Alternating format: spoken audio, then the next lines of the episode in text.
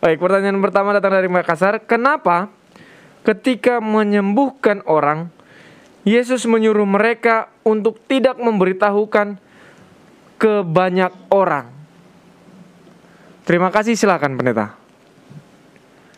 Terima kasih untuk pertanyaan ini. Memang ini adalah suatu pertanyaan bagi banyak orang karena di beberapa kesempatan pada waktu Tuhan Yesus mengadakan sebuah mujizat, maka setelah ia mengadakan mujizat tersebut, ia mengatakan janganlah beritahukan kepada banyak orang. Itu yang dia katakan.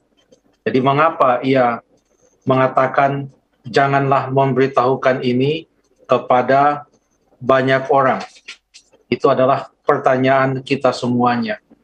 Ada paling tidak satu alasan yang boleh kita uh, sampaikan pada saat ini. Namun sebelum sebelumnya karena ini tajam, jadi kita cari dulu kira-kira apakah ada memang di dalam Alkitab paling tidak kita baca satu ayat lah yang mengatakan bahwa Tuhan Yesus melarang orang memberitahukan apa yang ia sudah lakukan. Kita ambil satu contoh ya. Kita buka dalam Markus pasal yang ke-8. Markus pasal yang ke-8 ayat yang ke 26 contohnya.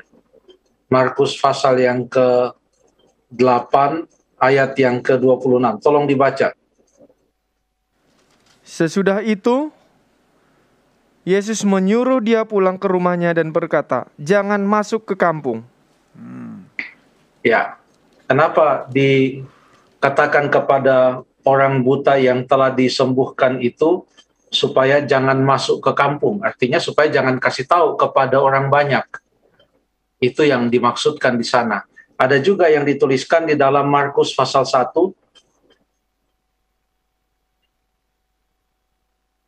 Markus pasal yang pertama. Nah, ini kita akan beberapa ayat di sini dan di sini juga kita akan temukan alasan mengapa Yesus katakan jangan beritahukan kepada orang banyak. Cerita tentang Tuhan Yesus menyembuhkan seorang yang sakit kusta. Kita mulai dari ayat yang ke-41 ya. Maka tergeraklah hatinya oleh belas kasihan, lalu ia mengulurkan tangannya, menjamah orang itu dan berkata kepadanya, Aku mau, jadilah engkau tahir.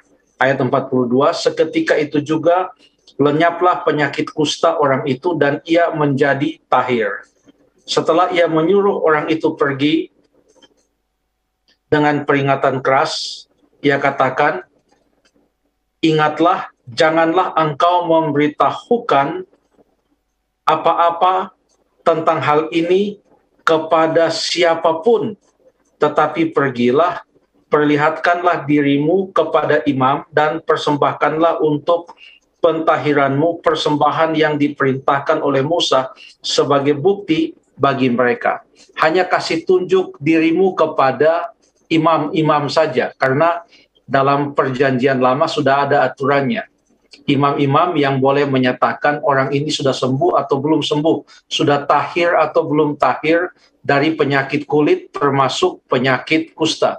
Jadi memberitahukan kepada imam itu hanya untuk pengesahan bahwa mereka sudah tahir, sudah boleh kembali ke masyarakat pada umumnya.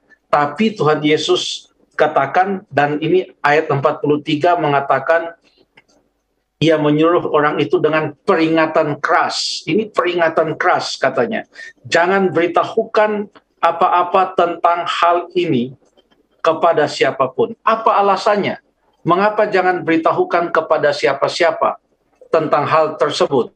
Itu boleh kita baca di dalam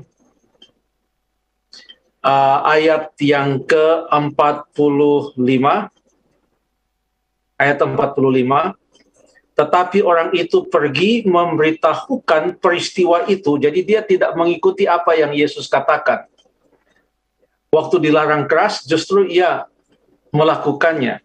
Orang itu pergi memberitahukan peristiwa itu dan menyebarkannya ke mana-mana. Setelah pergi kepada imam, dia sebarkan peristiwa itu ke mana-mana, sehingga ini akibatnya setelah ia kabarkan ke mana-mana, akibatnya apa? Sehingga Yesus tidak dapat lagi terang-terangan masuk ke dalam kota. Ia tinggal di luar di tempat-tempat yang sepi. Namun orang terus juga datang kepadanya dari segala penjuru.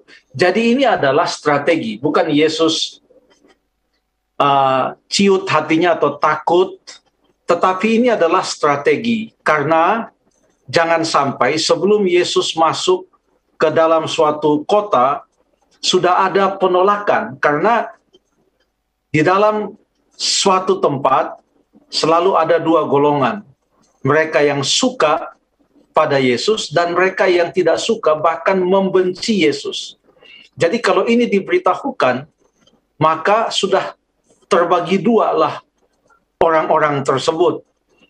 Ada yang langsung memihak Yesus, ada yang membenci Yesus, sehingga kunjungan Yesus ke suatu tempat itu menjadi tidak efektif. Makanya Yesus katakan, jangan beritahukan, akan tiba waktunya, akan tiba waktunya. Tapi ini bukan selalu menjadi aturan Yesus, karena Yesus tahu orang itu akan ke mana, dia tahu, jadi dia yang akan kasih tahu kepada orang tersebut apakah orang itu boleh menyebarkan peristiwa itu atau tidak. Nah, coba kita lihat di cerita yang lain, justru sebaliknya yang Yesus katakan. Hanya di dalam Injil yang sama, Markus pasal yang kelima, kita baca ayat yang ke-19 dan ayat yang ke-20. Ayat 19 dan ayat yang ke-20, setelah Tuhan Yesus menyembuhkan atau mengusir roh jahat dari seorang yang ada di Gerasa, orang itu mau mengikut Yesus.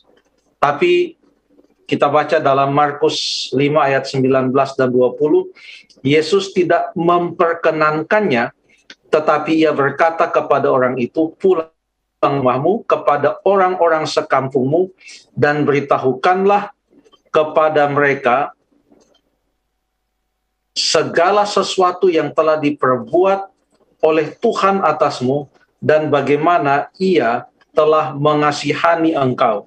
Ayat yang ke-20, orang itu pun pergilah dan mulai memberitahukan di daerah Dekapolis segala apa yang telah diperbuat Yesus atas dirinya dan mereka semua menjadi heran. Kenapa di sini Yesus katakan kepada orang itu pulanglah ke kampungmu dan beritahukanlah kepada saudara-saudaramu dan orang-orang sekampungmu. Karena memang Yesus tidak masuk ke kota itu. Jadi supaya orang-orang di kota itu mengenal Yesus, Yesus menyuruh orang yang baru saja disembuhkan itu supaya menjadi juru kabar. Yesus tidak masuk ke kota Dekapolis pada saat itu. Ia kembali menyeberang ke seberang ke sisi yang lain dari Danau Galilea.